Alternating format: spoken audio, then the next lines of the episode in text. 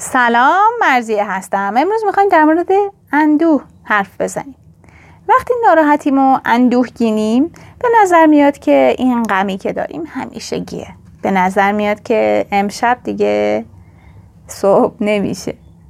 به نظر میاد که کسی شبیه ما این غم و تجربه نکرده.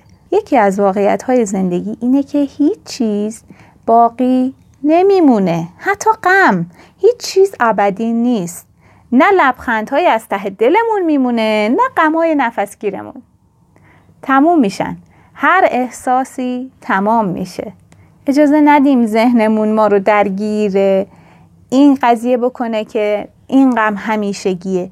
تو این گیر نیفتیم. بذاریم که جریان این آمدن ها و رفتن های احساس ها این شادی ها و غم ها توی زندگیمون وجود داشته باشه و اینا رو تجربه کنیم.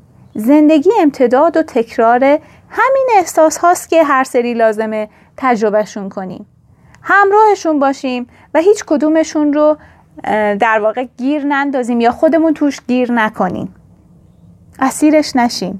تو لحظه های زندگی کنیم که اون احساس ها در جریانن. یعنی تو لحظه ای باشیم که فقط همین لحظه است و همین لحظه میره. اما به هیچ وجه به لحظه ها دل نبندیم. چون این لحظه ها به محضی که میان همون لحظه هم میرن. از اینها گذر کنیم و با همه وجود ثانیه بعدی لحظه بعدی لحظه که تا به حال تجربهش نکردیم رو در آغوش بکشیم. اگر تو غم هستین اینو بدونین که تموم میشه. سخته اما تموم میشه و شما دوباره میخندین. تو اندوه دنیا سنگین میشه زمان کند میشه اما در نهایت میگذره. توی سالگردها و ماهای مشخصی که تون اتفاقای تلخی اتفاق افتادن. ما اندوهگین و مستربیم و دوباره داریم اون اندوه ها رو تجربه می‌کنیم. چون بدن حتی به صورت ناهوشیار نزدیک شدن تداعی زمانی خاصی رو متوجه میشه. نزدیک شدن به یه سال روز تلخ رو می‌فهمه. به همین خاطر وقتی نزدیک یک سالگرد یا یه اتفاق تلخ میشیم غممون بالا میاد. اما باید حواسمون بهش باشه و از بالا اومدن این غم ناامید و اندوهگین نشیم. غم و استراب بالا میاد و بعد از چند روز میره و هر سال این اندوه قابل تحمل تر میشه. اندوه به گلو می‌رسه و تبدیل میشه به یه بغز به سر می‌رسه و از چشم سرازیر میشه. وقتی فراتر از بدن ما باشه ما رو از زمان جدا می‌کنه.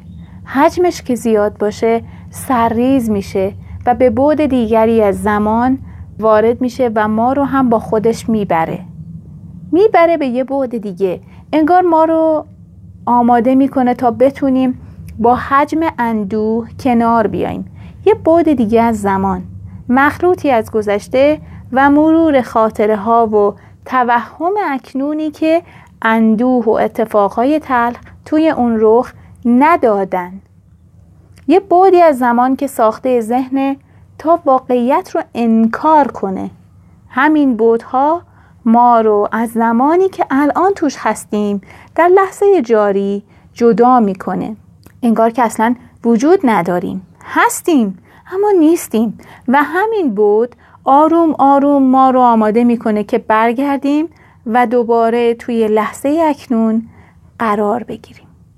با این تفاوت که وقتی برمیگردیم توانایی تحمل اندوه رو خواهیم داشت.